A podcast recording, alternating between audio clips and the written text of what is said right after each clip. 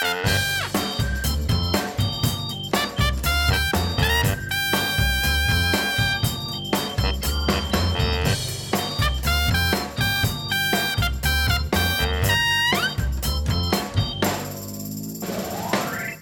Transavia-vliegtuig vanuit Israël is geland en onze manager Jeffrey Schipper heeft zijn voet weer aan de Nederlandse grond gezet. Absoluut, Dick. Hoi Jeffrey, Je, hier, levende bewijs terug. voor jou. zo is dat. Ja, Hey, absoluut. je hebt aardig wat, eh wat lekkernijen gegeten daar, Israël. zonnetje gepakt. Ja, ik heb inderdaad even een zonnetje gepakt eh, in de buurt van de Heilige Grafkerk. Want ik dacht van als CIP-medewerker moet je toch wel een beetje in de buurt van de kerk zijn. Ja, En eh dat kun je mooi combineren met eh falafel en zon. zo is dat. Ja, Mooi man. absoluut. Hey, en heb je er een beetje van genoten? Ja, ja, ja, ja. Kijk, het is niet zo dat, eh, dat ik eh, nou echt super veel behoefte had aan vakantie. Maar als ik dan eenmaal vakantie heb, dan ga ik er ook helemaal voor. Dan ga ik echt uitslapen tot 11 uur. Dan laat ik me helemaal verwennen door alles en iedereen om me heen. En dan leg ik mijn poten op tafel. Heerlijk. Maar hoezo was je gegaan dan? Ik bedoel, eh, Ah, nou, ik, ben je wel, geen behoefte hebt aan vakantie, dan ga je toch niet? ik ben niet iemand van de school van ik, ik leef om te werken, maar ik leef om te genieten. En vanuit dat perspectief moet ik wel eh, zo nu en dan eh, op vakantie. Ja, ja, ja, precies. Ja. Hey, en eh, wat was nou het, eh, het allermooiste, het hoogtepunt van de, van de vakantie? Nou, dan denk ik toch wel aan mijn twee kleine neefjes. Die me elke dag wakker maakten met apengeluiden. En met wie ik gestoeid heb, gevoetbald heb en filmpjes heb gekeken. Dat is vond ik nou echt het leukste. Leuk. Ja. Fantastisch. Ja, joh. Ja, man. Hey, en ja, nu eh, ben je er weer. Nu ben ik er weer en dan heb ik toch een verschrikkelijk nieuwsbericht te horen gekregen. Want RTL Late Night is gestopt. Heel Ja. Israël heeft het erover gekregen, allemaal appjes en telefoontjes. En allemaal shalom wensen voor Twan Huis. die arme man die is nu werkeloos. Twan, Twan, Twan zonder huis. ja, toch? Oh, wat erg, Jeff. Ja. Ja, normaal ben jij van de woordgrappen, maar nou, nou doe ik het een keer, hè? ja heel goed. Ja. Ja, man. Nee, maar voor de mensen die RTL Late Night niet kennen, want dan moeten dat niet uitsluiten. Want eh, volgens mij hebben alleen de, de schoonouders en de, de, de zus van Van Huis naar RTL Late Night gekeken het laatste half jaar. Maar, maar dat, is, dat is dus een talkshow op bij RTL. Dat- Ja, Ja, wat, wat, is, het- wat heeft het eigenlijk voor functie? Dat ja Betty bespreekt- Bart zit daar aan tafel. volgens mij is dat niet eens een actualiteitenprogramma meer. Dat is gewoon een soort van eh, populariteitsshow. Ja, volgens mij was het... eh, volgens mij was het doel van RTL Late Night om een soort van een gezellige avond afsluiting te hebben. Maar het enige wat het nou niet was, was gezellig. Nee. Dat was een beetje het probleem. Dus Ja. eigenlijk wat het zou moeten zijn, was het niet. En als je gezelligheid gaat creëren, dan ben je al sowieso fout bezig. Ja. Want dat ontstaat vanzelf als het goed Ja. is. En Jeffrey, jij hebt daar een hele analyse op losgelaten. Nou, Over hoe, dat, eh, hoe, hoe zoiets mis kan gaan, zeg maar. Ja, een analyse is een groot woord, want ik moet eerst, wel- allereerst even de credits geven naar onze geliefde hoofdredacteur Rick Bokelman. Ja. Want hij eh, wees, attendeerde ons gisteren op dit grote nieuws. En hij verwees er toen ook eigenlijk al gelijk naar, eh, naar de kerk. Want deze Twan Huis houdt ons namelijk een spiegel voor. Hoe vaak zie je nou niet mensen in je omgeving, ook eh, in christelijk Nederland, die eigenlijk op de verkeerde plek zitten en totaal niet tot hun recht komen? Hè, denk maar aan eh, die, die ouderling bij jou in de kerk, die, die met jeugdwerk bezig is, maar helemaal niet geschikt is voor die functie. Ja. Die, die, daar, die daar veel te theoretisch voor is of veel te academisch voor is. Of denk aan die. ja, Denk aan mezelf. Ik denk aan mezelf. Ik, ik ging jarenlang, ging ik, eh, of jarenlang. Ik ging, tijdelijk ging ik eventjes als straatevangelist eh, meedoen met een groepje uit onze kerk in Tolen ooit. Ja. Nou, en ik, en ik, ik voelde me totaal niet op mijn gemak. Dan moest ik flyers uitdelen. Mhm. Dan moest ik een boodschap vertellen waar ik totaal nog niet over na had gedacht. En ik voelde me helemaal niet lekker erbij. En nu, Nee. nu geef ik leiding aan, tieners, aan de tienerclub in de kerk, aan de bidstond, aan de huiskring. En ik vind het heerlijk, joh, met lekker, lekker relaties leggen, lekker met mensen ouwe hoeren en eten. Dat past mij veel beter dan met, flyer, met een flyer op straat gaan lopen. Ja. Dat is eigenlijk, ik voelde mij in Twan Huis. ja, ja. Ook zonder huis, of niet? ik, gelukkig ben ik nooit zonder huis geweest. Oké. Ja. Ja. Nee, ik vond het wel grappig, want eigenlijk om even terug te keren naar eh Twan Huis. eh, hij is zich natuurlijk wel een beetje in een eh, kwetsbare positie geplaatst, omdat hij de plek van Humberto innam. En eh, ja, die moest toch een beetje tegen zijn zin weg. En als het dan mislukt, dan, eh, ja, dan, ben je, dan, dan krijg je toch een beetje leedvermaak, zeg maar. Ja, Dus dat is misschien ook weer een mooie les voor de kerk. Dat, eh, ja, dat je ook niet zomaar eh, je voorganger op straat moet zetten als het even niet loopt. Nee, nee, nee. Humberto, dat, dat Ja. liep toen beter inderdaad ja, met die man. ja, dat ging klopt. veel beter. Want die Van Huis, dat is natuurlijk echt zo'n serieuze NPO-journalist die bij Nieuwsuur eh, helemaal uit de verf komt. Ja. Die moet je niet bij je commerciële omroep de minnares van Alexander Pechtold laten interviewen. Die moet je gewoon laten spreken met, ja, met, met, met hoge heren uit de ambtenarij en zo. Dat past hem veel beter, toch? Dat is waar. Ja. Maar eh, tot zover natuurlijk het nieuws van de week. Want er is natuurlijk nog veel meer. Hè? Ja. Van Huis is natuurlijk het grote hoofditem Mhm. waar heel Nederland het over heeft. Maar dan hebben we ook nog een christelijke docent die anoniem wil blijven, heb ik begrepen. Dus we hebben helemaal geen naam. Nee. Maar eh, er is, eh, toen ik in Israël zat, daar weet jij misschien wel wat meer van, is er een docent geschorst hier in Nederland. Klopt. Om bijzondere redenen. Ja hoor. Want hij zou hebben gezegd dat Mohammed een pedofiel is. Ja, dat zou die hebben gezegd inderdaad. Klopt. En eh. En zelf ontkent hij het doet ook. me een beetje denken aan die Arabische landen waar ook heel veel mensen van alles gezegd zouden hebben. Dus, eh, maar misschien heeft hij het ook wel gezegd, je weet het maar nooit. Nou, Want- hij ontkent het zelf. ja, hij ontkent het wel, ja. Ja. Ja. Maar ja, goed, als jij. eh, want ja, moeten we eerst het verhaal nog vertellen? Ja, of, ja, dat is wel... Ja, doe maar. Oké, ja, nee, want hij. Hoe zeg je dat? Er was dus een, eh, een meisje ook en die vertelde ook eh, tegen, de, tegen die docent dat, dat haar moeder haar, hem haram noemde, dus onrein, zeg maar. En eh, ja, ik kan me best voorstellen dat die man een beetje uit emotie dan daarop zegt van ja, moet je eens kijken hoe onrein jouw profeet was. Dat zou ik tenminste heel erg logisch vinden als zo'n docent dat zegt. Maar ken- kennelijk heeft hij dat misschien dus toch niet gezegd. Maar goed, dat, eh, dat laat even in het midden. Nou, en ook belangrijk om te zeggen is dat het, het liep al niet zo goed tussen, tussen een aantal klasgenoten en die docent, al maanden niet. Mhm. Dus het, het kwam niet zomaar uit de lucht vallen. Op een gegeven moment, als je een slechte relatie met iemand hebt, dan is het niet gek dat je een keer vanuit emotie iets, iets eh, Ja, zegt natuurlijk. Precies. Aan beide kanten. Ja, dus dat zou goed kunnen. Ja. En eh, ja, goed. ja. ja, ik vind het toch een lastig verhaal. Want aan de ene kant, eh, eh, ja, de profeet was toch ook getrouwd met iemand van negen. Dus in die zin, eh, en dan zeggen ze natuurlijk wel, bijvoorbeeld bij het Europese gerechtshof, zeggen ze dan van ja, maar hij is bij dat meisje gebleven ook toen ze 18 was. Eh, dus dat betekent dan dat hij geen pedo was, want ze was ook al ouder, zeg maar. Ze was helemaal...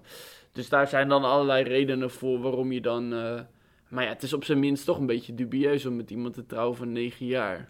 Ja, maar ja, ik vind het ook wel weer oneerlijk dat allerlei, eh, zeg maar, islamcritici nou dit helemaal gaan uitventen alsof, eh, eh, alsof dit helemaal gaat over de beledigde moslim omdat de profeet pedofiel was. Want ik heb ook zoiets van, ja, kijk eens naar het Oude Testament. En heel, in, in die cultuur was het echt heel erg normaal dat je op jonge leeftijd al huwde. Ik denk dat Mhm. heel veel meisjes al op 15, 16-jarige leeftijd zelfs zwanger waren. Mhm. En dus met zeg maar de bril van nu, de moderne eh, wetregels van, van 2019, als je die gaat toepassen op het Oude Testament, dan zijn er heel veel mensen pedofiel, laten we eerlijk zijn. Ja.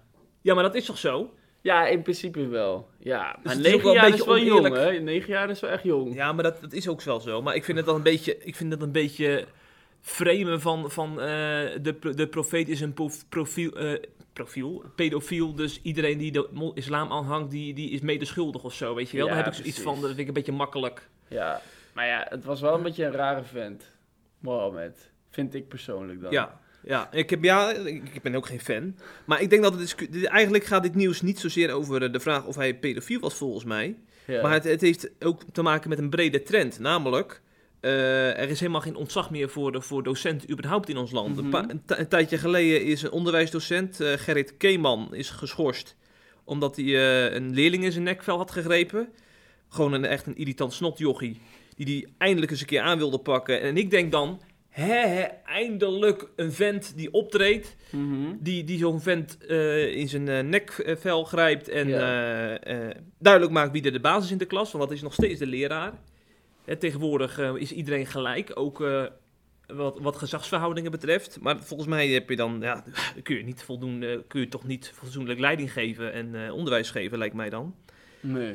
Maar goed, eh, en hij is ook niet de enige. Ik heb wel in de afgelopen jaren wat meer berichten gehoord van eh, leerlingen die, eh, die docenten gewoon de klas uitpesten en zo. En eh, de meest rare onzin over docenten verkondigen. Mhm. Dus volgens mij, volgens mij is er een bredere trend eh, gaande in dit opzicht. En moeten we het vooral ook eh, eh, vanuit dat perspectief duiden. Ja, precies. Ja. En ik denk ook aan mijn ouders. Toen, toen zij nog op de, basisschool, in de ba- op de basisschool zaten, moesten ze het echt niet in hun hoofd halen om ook maar een vinger op te steken tegen de docent om eventjes die persoon tegen te spreken. Ja, precies. Gezagsverhoudingen zijn helemaal zoek, joh. Echt, hè? Ja. Ja. Ja, ik ben het er wel met me eens, hoor. En, ehm, eh, ja, er was natuurlijk ook zo'n video van Poont, hè? Ja, Die gingen ze dus eh, naar dat schoolplein toe. En, eh, nou ja, de- die leerlingen gingen best wel los, zeg maar. Je- die had jij dus ook gezien, hè? Dat, dat deed een beetje denken aan Asia Bibi, hè? Wat jij, wat jij ook al zei. Eh, ja, ja, klopt. Want Asia Bibi, die hebben we al meerdere, meerdere malen besproken in de podcast. Ja. Ja, die vrouw die is eh, ooit op basis van een vals gerucht, is zij gewoon eh, over de, bijna over de kling gejaagd. Want ze heeft, er, er ging toen het gerucht dat zij de profeet Mohammed ook beledigd zou hebben. Terwijl Mhm. dat feitelijk helemaal niet klopte. Maar dat is toch de wereld inge- ingeholpen en aangewakkerd. En op een gegeven moment is ze in, in zo'n gevangenis terechtgekomen, in een dodencel. Ja. En nou, we weten allemaal dat het goed is afgelopen, want dit jaar is met veel gejuich is uiteindelijk toch vrijgekomen. Ja. Maar dit to- toont dus aan dat het in de islam levensgevaarlijk is als je de profeet Mohammed beledigt. En dan denk ik van, stel je nou voor dat die docent, eh, die dus uit Hoofddorp komt, dat die niet in Hoofddorp, maar in Islamabad leefde en daar eh, les gaf. Dan had hij dus een enorm groot probleem gehad. Dan was hij niet geschorst geweest, maar dan was hij misschien wel eh, dood geweest. Ja. Er zijn mensen die dan gewoon je, de stenen naar je hoofd gooien. Ja, het verbaasde mij ook wel echt hoe, eh, hoe dominant die kinderen ook waren. Ja, hè? Echt zo totaal niet beschroomd, zeg maar. Ook niet van, oh, eh, eh, ja, we zijn als Marokkanen hier toch in de minderheid op, in dit land. En in, in, in, misschien ook op deze school en zo. Laten we een klein beetje rustig doen. Nee, ze, ze komen daar met z'n allen en echt zo hard van leer trekken. eh, ook gewoon voor landelijke media, zeg maar. En zelfs zo fel dat de directeur ook echt een angsthaas is geworden. Dus die, die, eh, eh, die, hij was echt super bang, zeg maar. Je zag het ook weer in die video en alles eromheen. Dat die echt, dat koste wat het kost, moeten, moeten rust bewaard worden. En op zo'n manier heb je, zie je gewoon dat zo'n klein groepje mensen zo ontzettend veel invloed hebben. En eh, eh, ja, dat verbaasde mij wel enorm hoor. Want ja, zie jij, zie jij ergens op een school in Nederland christenen zo zelfverzekerd en dominant zijn, zeg maar. Ja. En dat is wel, aan de ene kant denk ik ook bijna van, eh, ja, de christenen moeten hier ook een beetje van leren. Want het is toch best wel bizar dat, ja, op de een of andere manier eh, moeten wij als christenen altijd, zeg maar, eh, de underdog-positie pakken en altijd soort van, eh, als, de, de, de, als we een keer storm tegen hebben, gaan we meteen dan weer ingeven. En weet je, we zijn heel gauw een beetje compromis, compromisvol. Maar ja, dus dat, dat is aan de ene kant. Maar aan de andere kant denk ik ook wel echt van... Ja, weet je, als je dit even zo door laat gaan en die moslimbevolking blijft nog even een beetje doorgroeien... Daar ben ik benieuwd wat de consequenties gaan worden, zeg maar. Want Ja. dit is echt extreem hoor. Ik vond het echt niet normaal. Ja, het is een schaduwzijde van de islamisering. Want Ja, eh, stel je voor dat er dadelijk een keer iemand eh, in de Telegraaf of eh, in weet ik veel wat voor krant... een keer wat, wat, wat zegt over Mohammed. En die persoon, die, die zijn adresgegevens, die, die, die worden openbaar gemaakt. ja. Nou, je, je hoeft maar je, je, hoeft- alleen maar naar die kinderen te kijken... om dan je genoeg zorgen te maken over, over zo'n Ja. vent. Ja, Want die kinderen echt- die worden waarschijnlijk gewoon ook echt zo opgevoed thuis.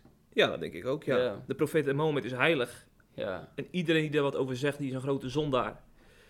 ja. En eh, ja, dat werd inderdaad in dat filmpje ook heel erg duidelijk. Ja, die, die felheid uit de ogen van die leerlingen. Van die persoon is Klopt. haram. Haram zondaar. En Ja. weg ermee. Hij mag ook helemaal niet meer terugkomen gelijk, die, die ja, cent. precies. Ja, en Jezus is in die zin bij christenen veel minder heilig. Dat christenen niet heel snel boos worden als, eh, als Jezus eh, be- beledigd wordt of zo. Ja, ik denk ook dat we hebben ook denk ik stiekem een wel meer volwassen religie in de zin van dat we ook tegen kritiek kunnen, omdat we ook weten dat we in het verleden heel fout zijn geweest. Het christendom heeft heel erg veel bijgedragen aan antisemitisme in het verleden. Ja. En, en juist omdat we die les hebben geleerd, gaan we denk ik nu wat, eh, Ja, wat schappelijker met, het, met dit soort thema's om. precies. Ja, over antisemitisme gesproken. Ja, wat was dat toch in België daar, joh? Er was een of andere grote praalwagen en dan met grote hoofden. En normaal zie je dan hele, ja, toch wel leuke, leuke... Jij hebt geen carnaval gevierd, toch? Even tussen haakjes of wel? carnaval? Ja?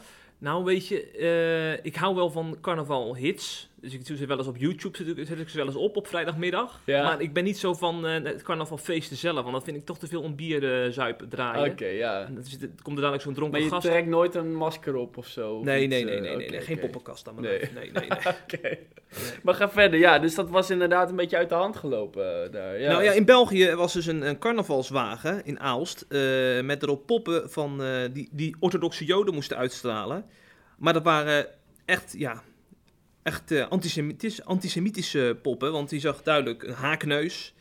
En eh, ook zakken geld eromheen en zo, weet je wel. Want de joden staan in antisemitische kringen heel erg bekend als eh, de, de, de rijke lui die de wereld gaan veroveren met al hun grote geld. En op Ja. basis daarvan gaat dan het jodendom overheersen en iedereen al, alles uit de weg ruimen. Mhm. Maar ik heb dus een foto gezien nog uit 1939. Toen waren er ook van die praalwagens. En ook met, de, met dezelfde koppen. Met, die, met joden die uitvergroot werden met grote neuzen en met veel geld. En al die stereotypen. En op basis van die beelden heeft Hitler ook die jodenhaat aangewakkerd. Zo. Heeft, die heeft al die overdrijvingen zeg maar echt eh, eh, ja, een soort van feitelijk gemaakt. Alsof iedere jood eh, rijk is en de wereld wil veroveren en gestopt moet worden. Mhm. Dus ja, dan is het natuurlijk ook wel te begrijpen dat zo'n carnavalswagen op kritiek stuit bij Gert-Jan Segers, bij Kees van der Staaij, de politiek leiders van ChristenUnie en SGP, en ook bij opperrabijn Benjamin Jacobs. Ze waren boos. Ja. Jacobs zei, eh, humor juich ik toe, zeker met carnaval, maar als we beseffen wat het resultaat is geweest van de toenmalige karikaturen, puntje, puntje, puntje. Hij verwees dus naar het nazisme in 1939, toen ook dit soort karikaturen Mhm. werden tentoongespreid. Ja. Ja, het is wel interessant. Wat je nu zegt, dat eh, overtuigt me in die zin ook wel. Want ik dacht in de eerste instantie ook wel een beetje van... Ja, eh, er wonen superveel Joden in, eh, in België. En eh, ja, dat je gewoon zo'n grappig karikatuur... Het is gewoon een grappig feest. Misschien waren het zelf wel Joden die het hadden gedaan. Dus ik had het niet zo extreem gezien. Ja. Ja, dus in eerste instantie dacht ik van, nou ja, is niet zo erg. Maar als, als, als het klopt wat jij zegt, dat die karikaturen echt precies hetzelfde zijn als van 1939, dan is het natuurlijk wel een ander verhaal. Ja, Ja. zeker. Dan kun je beter een carnavalswagen met Donald Duck eh, erop eh, laten rondrijden. Toch? Sowieso, maar dan wel een hetero Donald Duck, toch? een hetero Donald Duck, ja. Want ook daarin komt in verandering. De Donald Duck krijgt een homostel in het blad. Ja. Ja, Donald Duck zelf overigens, die zou volgens mij nog wel hetero blijven. Maar dan eh, figuren eromheen, bijfiguren die gaan eh, in andere, ja, op het andere Ja. geslacht verliefd worden. En eh, ja, dat was voor Citizen, Citizen Go, zeg ik dat zo goed, een christelijke burgerbeweging, aanleiding om een petitie te starten. Daar weet jij veel meer van, want het was in jouw week dat ik nog op vakantie was. Ja, jij was op vakantie en toen heb je dit gemist. Ja, ik heb die Heftig gemist. hoor. Jongen, jongen. Hé, hey, maar eh, ja, dat was toen eh, breaking news. Dat eh, Donald Duck, er was een, een tienjarig meisje genaamd Fenna. En die heeft in het jeugdjournaal een oproep geplaatst van... Kan er alsjeblieft ook een homo in, als Donald, Donald Duck in het blad komen? Nou, en dat, die oproep die, is gehonoreerd door de baas van Donald Duck. En die heeft gezegd, dat is een heel goed iets en dat gaan we zeker doen. Alleen bij Citizen Go zien ze daar wel iets meer achter. Want het feit dat zo'n meisje eh, ineens in het jeugdjournaal komt en zo... dat zegt toch vaak wel dat er een heleboel welwillende mensen zijn... die graag eh, dit steunen, zeg maar. Dus eh, bij Citizen Go zeggen ze ook van dat kind is gewoon gebruikt. Gewoon een meisje van tien is voor het karretje gespannen om uiteindelijk... eh, ja, dan maar eh, net te doen eh, of dat heel belangrijk is. En dan uiteindelijk is dus het resultaat dat er dus een homo in, het, in de Donald Duck komt. Ja. En Patrick Simons, Patje. patje 88, Ja. patje 88 hotmail.com. Dat is zijn e-mailadres. Oh no. Die heeft een column gewijd aan, aan deze rel. En Ja. hij heeft daarin de hypocrisie onder christen- christenen blootgelegd. Want ja, heel veel christenen hebben natuurlijk die petitie ondertekend, omdat zij... eh, Heb jij het niet ondertekend? eh, nee, nee, nee. Ik ben sowieso niet van petities. Überhaupt niet. Oké. Nee, ik hou, ik hou meer van de dialoog. Thee drinken. Maar eh, eh, die Patrick die heeft de hypocrisie, vind ik echt haar fijn blootgelegd. Ja, ik, sorry dat ik een beetje subjectief ben. Kom ook Je bent niet objectief, eh, Op- Jeff. ik, ben, ik ken hem ook Oké, ik persoonlijk. zal er wat tegenover zetten. Komt straks. goed, komt goed. Maar hij zegt dus het volgende. Pak de tien geboden eens die God in de Bijbel heeft gegeven als belangrijke, belangrijke leidraad. Leg die geboden naast je en lees een paar Donald Ducks. Je zult zien dat tal van die geboden in de Donald Duck worden overtreden. Het vrolijkste weekblad van Nederland staat vol met ruzies, jaloezie, haat, gierigheid, egoïsme, stelen, liegen en magie. Stuk voor stuk onderwerpen die in de Bijbel veel vaker ter sprake komen dan homoseksualiteit en waar iedere keer weer tegen gewaarschuwd wordt. Met andere woorden, als er in de Donald Duck eh, een verhaal staat waarin eh, overspel voorkomt of eh, wordt gestolen, dan blijven de- blijven de petities achterwege. En bij een homostel, dan kruipen de christenen in de pen en moeten ze zo nodig met hun eigen ideologie te koop lopen. Dat zegt deze Patrick eigenlijk. Oké, dat is eh, interessant. Maar ik, ik heb dan wel een vraag aan Patrick. Want eh, eh, kijk, het hele ding is natuurlijk dat, dat dit verhaal. je moet het gewoon in de context zien van een veel breder iets, zeg maar. Dat gewoon zaken die heel normaal zijn in de natuur. Dus gewoon een man en een vrouw. En weet je, dat soort dingen, hetero-relaties. Dat is natuurlijk in deze tijd wordt dat allemaal ter discussie gesteld. Dus dat is soort van niet meer eh, het normale patroon. En, en ook bijvoorbeeld de minister van Engelshoven zegt ook... we moeten af van dit standaardbeeld. Eh, dat zorgt voor superveel heftigheid op de basisschool. Want kinderen van acht jaar... die eh, krijgen dus allerlei voorlichting van... ja, je kan ook misschien een man zijn, een vrouw zijn... Eh, je, je krijgt een heleboel over je heen als kind. En in, op die leeftijd ben je al zo kwetsbaar. En het is gewoon een super harde aanval op je identiteit. En eh, het brengt, maakt superveel kinderen onzeker en eh, depressief en dat soort dingen. Hé, die snap ik niet. Als je te horen krijgt over, in de klas over eh, dat er homo's, homoseksualiteit bestaat, word je daar depressief van? Wat bedoel je? Nou dan? ja, in de zin van dat, dat, die, dat als jij bijvoorbeeld geleerd wordt van ja, je bent, je bent in een jongenslichaam, maar je kan misschien ben je wel een vrouw, bijvoorbeeld. Dat maakt kinderen gewoon super onzeker. En eh, ik denk gewoon dat dat gewoon super belangrijk is. Dat, dat die hele eh, beweging daarachter en dat gedram om, om het soort van allemaal wel gelijk te trekken, dat vind ik gewoon super gevaarlijk. En eh, kijk, ik bedoel, zoals haat of jaloezie, zoals dat in de Donald Duck wordt gezet. Er is geen één mens bijna op de wereld die dat een positieve eigenschap vindt. We vinden dat allemaal. we vinden allemaal wel dat je misschien beter nederig kan zijn dan hoogmoedig. Of beter liefdevol kan zijn dan haatvol, bijvoorbeeld. Dus dat is iets waar helemaal geen discussie over is. Dus in die zin kom- komen die eigenschappen wel naar voren, maar het wordt niet gepromoot als dat het goed is. Of het wordt niet, de Donald Duck heeft niet als pleidooi van, oh laten we gierigheid gaan bevorderen in Nederland. Nee, dit is gewoon een, eh, eh, een, een verhaal wat verteld wordt. En als het zeg maar op die manier een keer voorbij komt voor de grap of voor de leuk, dan is het wat anders dan wanneer het gepusht wordt en net gedaan wordt alsof het eh, een soort van heel erg natuurlijk is en volgens de natuur, zeg maar. En ik vind dat heel belangrijk. Dat, eh, ik vind dat een heel groot nuanceverschil. Ja, maar je doet nou net of de Donald Duck een of ander eh, wetenschap, wetenschappelijk weekblad is. Dat is gewoon een stripverhaaltje. En er komt dan dadelijk een keer een, een, Ja, maar een een heel voor. bewust, ja, maar er zit toch een heel bewust plan achter om dit te normaliseren voor kinderen. Ja, maar normaliseren. Die kinderen die zien in hun omgeving ook eh, jongens en meisjes die toevallig verliefd worden op, een, eh, op iemand van hetzelfde geslacht. Dan is het toch t- gewoon een kwestie van de realiteit weergeven je eigen stripblad. Ja, maar het is wel, er wordt wel heel erg veel geboren vanuit rolmodellen.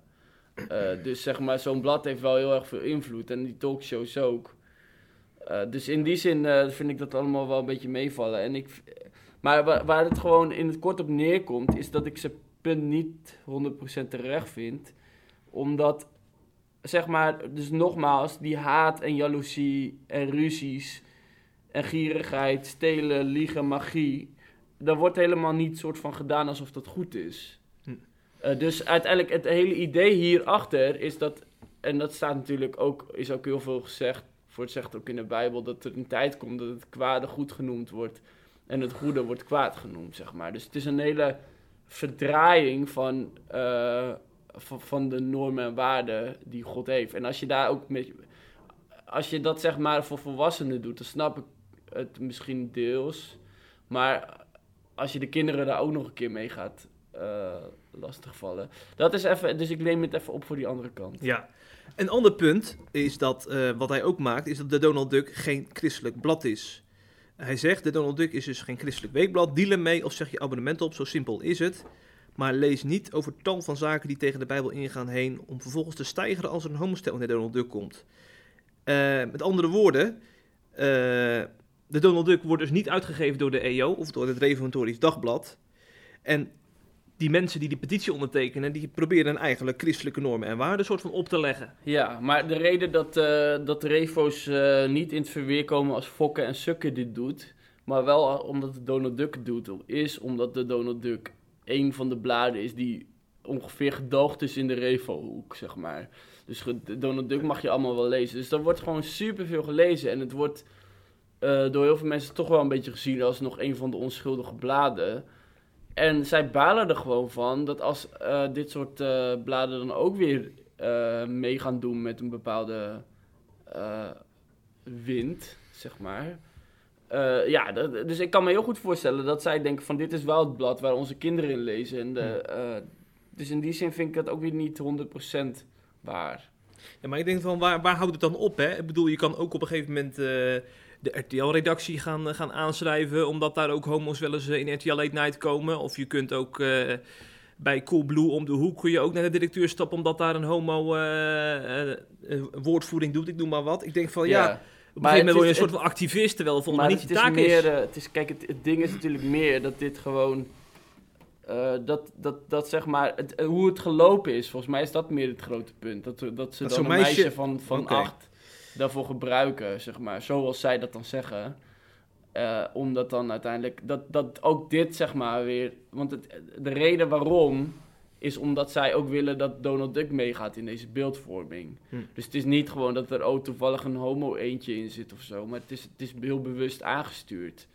Kijk, en ik snap ook wel van, eh, je, ja, op een gegeven moment, eh, we leven nu eenmaal in een tijd waar dit heel, eh, waar dit steeds verder gaat. Dus je moet je er misschien ook gewoon een beetje rekening mee houden dat het, eh, ja, dat dit gewoon een, een strijd is wat veel steeds verder zal gaan. Maar ja, aan de andere kant, waarom zouden de mensen er niks over mogen zeggen? Ja, ze mogen er zeker wat over zeggen. Maar ik denk Ja. van waarom moet het nou op die manier? Want ik lees dan zo'n petitie en dan lees ik allemaal termen als propaganda en politiek correcte terreur. En ik denk van waarom heb je oorlogstaal nodig om je punt te maken? Dat gaat volgens mij altijd ten koste van de inhoud. Want als je Wilde- Wilders hoort praten of Baudet, dan heb ik ook zoiets van je bent aan zoveel aan het eh, opjutten en aanjagen dat je, dat je punt helemaal niet eh, eh, goed voor het voetlicht komt. Ik denk van Mhm. als je, dan, als je dan een statement maakt als christen, doe het dan ook zeg maar met de christelijke naastenliefde in het achterhoofd. En ook nog eens gewoon in, in, in correcte taal. Dat je ook je, je, te- je, je tegenpol als gelijkwaardig ziet. Want ik vind het nogal neerbuigend allemaal. Ja, dus jij vindt dat... eh, misschien moet je petitie tegen hun indienen dan. Tegen Citizen Go. Ja. maar dan wel op de site van Citizen Go dan, hè? Ja. is goed. ja. Nee, maar jij vindt het normaal als je het ergens niet mee eens bent om dan met allerlei termen te strooien als terreur, politiek correcte terreur en eh, propaganda en dit nou ja, en dat. Kijk, ik eh, tegen, nou ja, ik ben, kijk, misschien zou ik het zelf ook niet zo doen, maar omdat het debat nou eenmaal zo gepolariseerd is, zou ik dan denken van, nou, dan hang ik ook maar een beetje aan die kant. Oké. Eh, want ik denk aan de ene kant wel van, ja, eh, het is toch ook ergens terreur, zeg maar, omdat je er de hele dag mee lastiggevallen wordt. Mhm. En eh, je, je ontkomt er bijna niet meer aan om.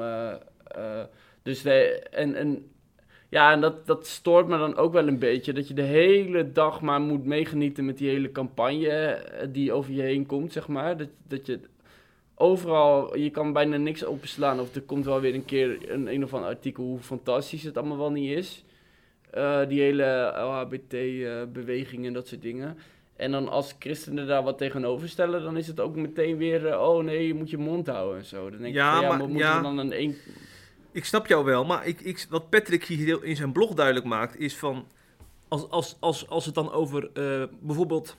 Als zo'n gay pride, gay pride wel eens in het nieuws is bijvoorbeeld... Dan, dan zie je allerlei eh, reacties van christenen van... Oh, moet dat nou? En, maar er wordt, elke week worden er allerlei dingen georganiseerd... Van, waarvan je als christen kunt denken, moet dat nou? En dan zijn we stil. Dus Ja. we, we kiezen één topic uit om, zeg maar, onze, om onze identiteit uit te vergroten... ten koste, ten koste van anderen. Waarom zou je dat niet bij tal van, bij van die andere onderwerpen doen? Zoals bijvoorbeeld carnaval of zo. Ja, ik noem maar wat. Ja. Daar zwijgen mensen veel meer over. Daar kun je ook een petitie tegen starten omdat er te veel gezopen wordt. ja. Dan doen we dan weer niet. Maar ja, kijk, kijk, maar toch vind ik het wel. Kijk, het, dit is wel een belangrijk iets. Want er, je hebt geen één pastoor bijna die in de, op, op, op de zondagse preek vertelt van je mag lam zuipen is goed, is, is goed voor je. Of dat, eh, doe dat lekker, het kan volgens God, God vindt het oké. Dus er zijn een, dit zijn gewoon ook, dit is nou eenmaal een, een typische zonde waar gewoon heel veel mensen uiteindelijk, eh, eh, die uiteindelijk steeds meer mensen zeg maar een soort van omdraaien. Dus Ja, ze ja. twisten het. Mhm. En dat, en dat is een beetje het punt. Dus daardoor, daardoor snap ik wel dat het elke keer hierop terugkomt. Omdat steeds meer christenen ontkennen dat het de zonde is. En dat is wel een... eh, ja, als, als, als zeg maar bepaalde zondes geen zondes meer zijn... Ja. eh, dat, ja, dat vind ik toch een belangrijke eh, nuance. Oké, oké. Zeg, jij hebt nog een filmpje bekeken van eh, een of andere straatprediker... Ja, die nogal in opspraak is geraakt in Groot-Brittannië volgens mij. zo is dat. En eh, ja, de Londense politie die heeft eh, een straatprediker op... Het is echt eh, al een paar miljoen keer bekeken. Ik denk misschien inmiddels wel meer dan 10 miljoen keer. Maar er was dus een Afrikaanse man en die stond te prediken op, het, op de straat, het evangelie te delen. En die kwam op de een of andere manier kwam die in een confrontatie met een moslim. Want een moslim die kwam naar hem toe en die zei, ja, wat je zegt klopt helemaal niet. Eh, Jezus is geen God, het is eh, de profeet Mohammed en Allah en zo. Dus die ging daar heel erg op in. En ehm, als we het, het, verhaal uit, van een omstander moeten geloven, eh, is die man daar eigenlijk bijna niet op doorgegaan. Dus die, die Afrikaanse man die ging, focuste zich gewoon op het evangelie. En die heeft alleen gezegd dat, dat alleen Jezus de ware weg is en niet Allah, zeg maar. En toen is hij gewoon door gaan preken. En toen heeft die moslim heeft de politie erbij gehaald. Aha.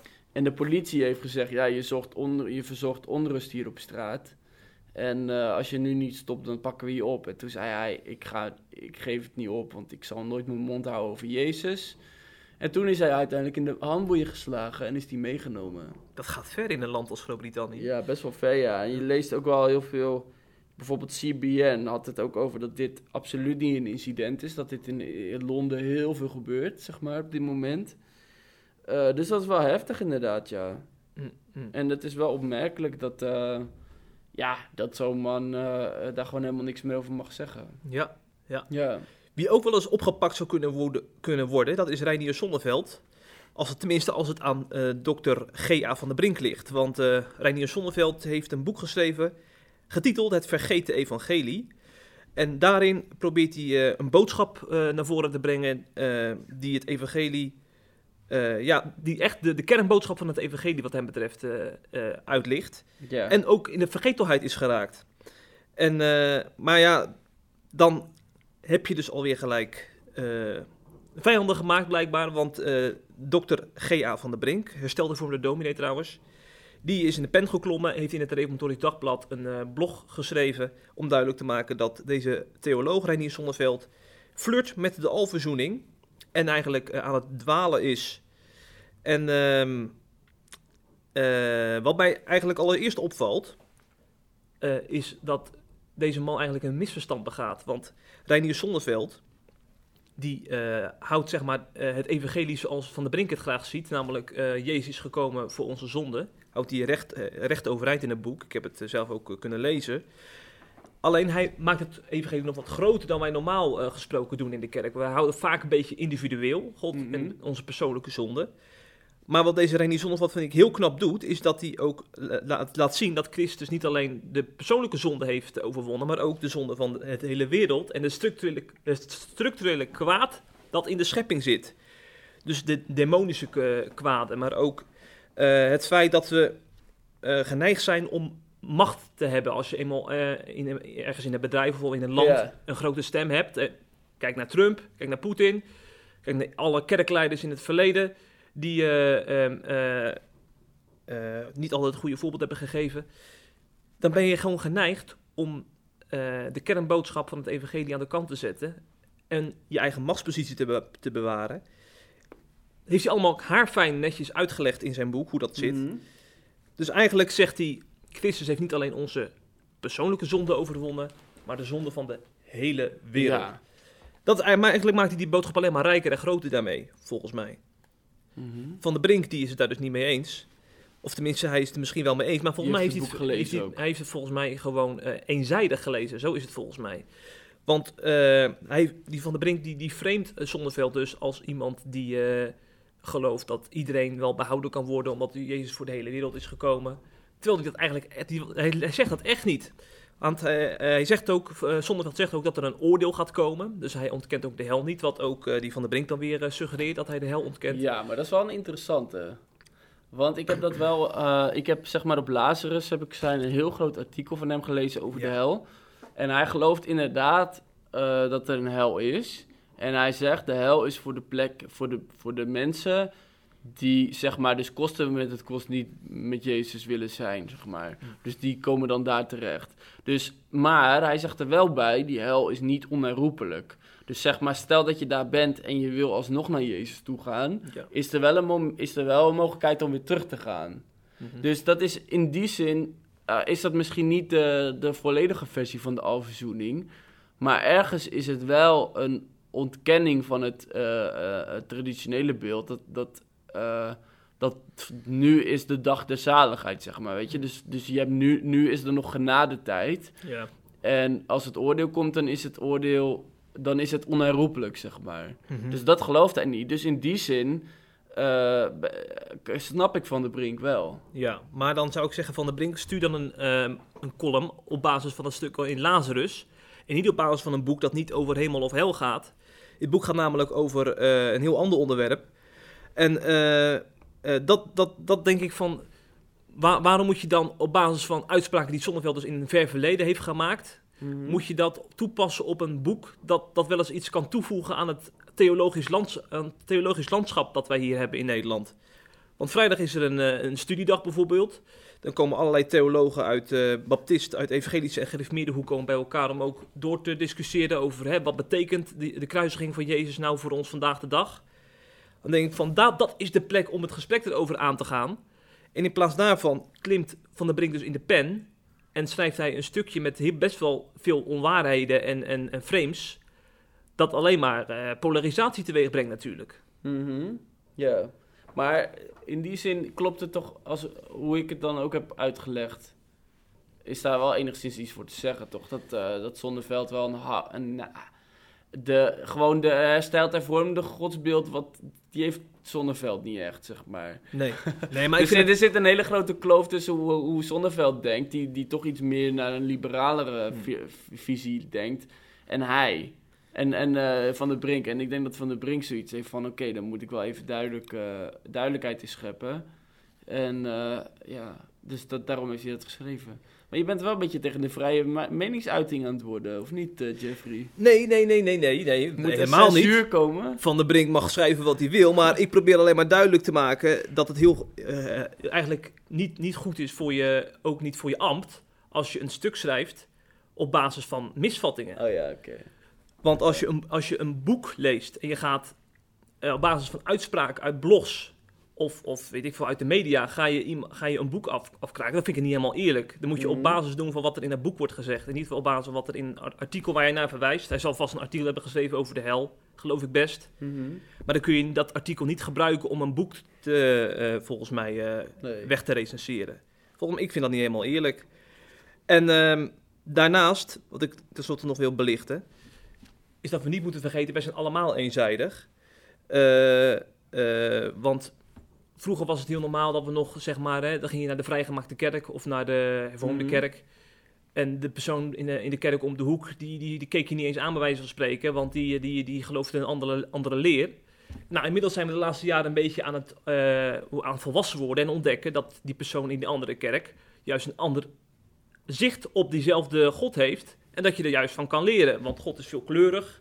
God eh, is, mysterie, mysterie. Wij zijn, wij zijn maar mensen. We kunnen hem niet helemaal omvatten in dit leven, denk ik. Dat komt pas als we dood zijn. Dan kunnen we God ten volle kennen.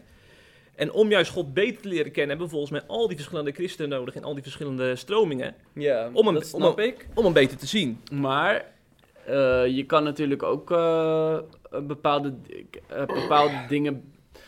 Kijk, zeg maar, je kan de, in de ene kant, het, het brengt een complete godsbeeld, maar je kan ook dingen binnenhalen die, eh, zeg maar, juist tegen God ingaan. Dus ik denk juist in een tijd dat we steeds meer samenwerken en steeds meer één, een eenheid vormen, eh, dat je ook juist st- een groter onderscheidingsvermogen nodig hebt. Mhm. Omdat er bepaalde dingen waren gewoon vroeger duidelijk. En nu, eh, eh, ja, weet je, mensen, er komen, wel- kunnen ook allerlei leringen binnen de kerk komen die misschien, eh, ja, waar je nog eens een keer, nog een keer extra over moet lezen of dat wel echt zo is, zeg maar. Ja, lijkt me een gezonde houding. Ja, Ik denk dat Van der Brink en Zonneveld ook samen goed dat ook kunnen, dat kunnen onderscheiden. ja misschien samen. moeten ze samen theater ingaan of zo. Ja, ja, Ja. dat is een goed idee. Ja, nou dat zal wel een spektakel worden. Ja, Ja. ik denk het ook. Of samen Ja. op vakantie een weekje. Ja, want dan kun je... Nou, dat is nou eindelijk een zo goed voorstel.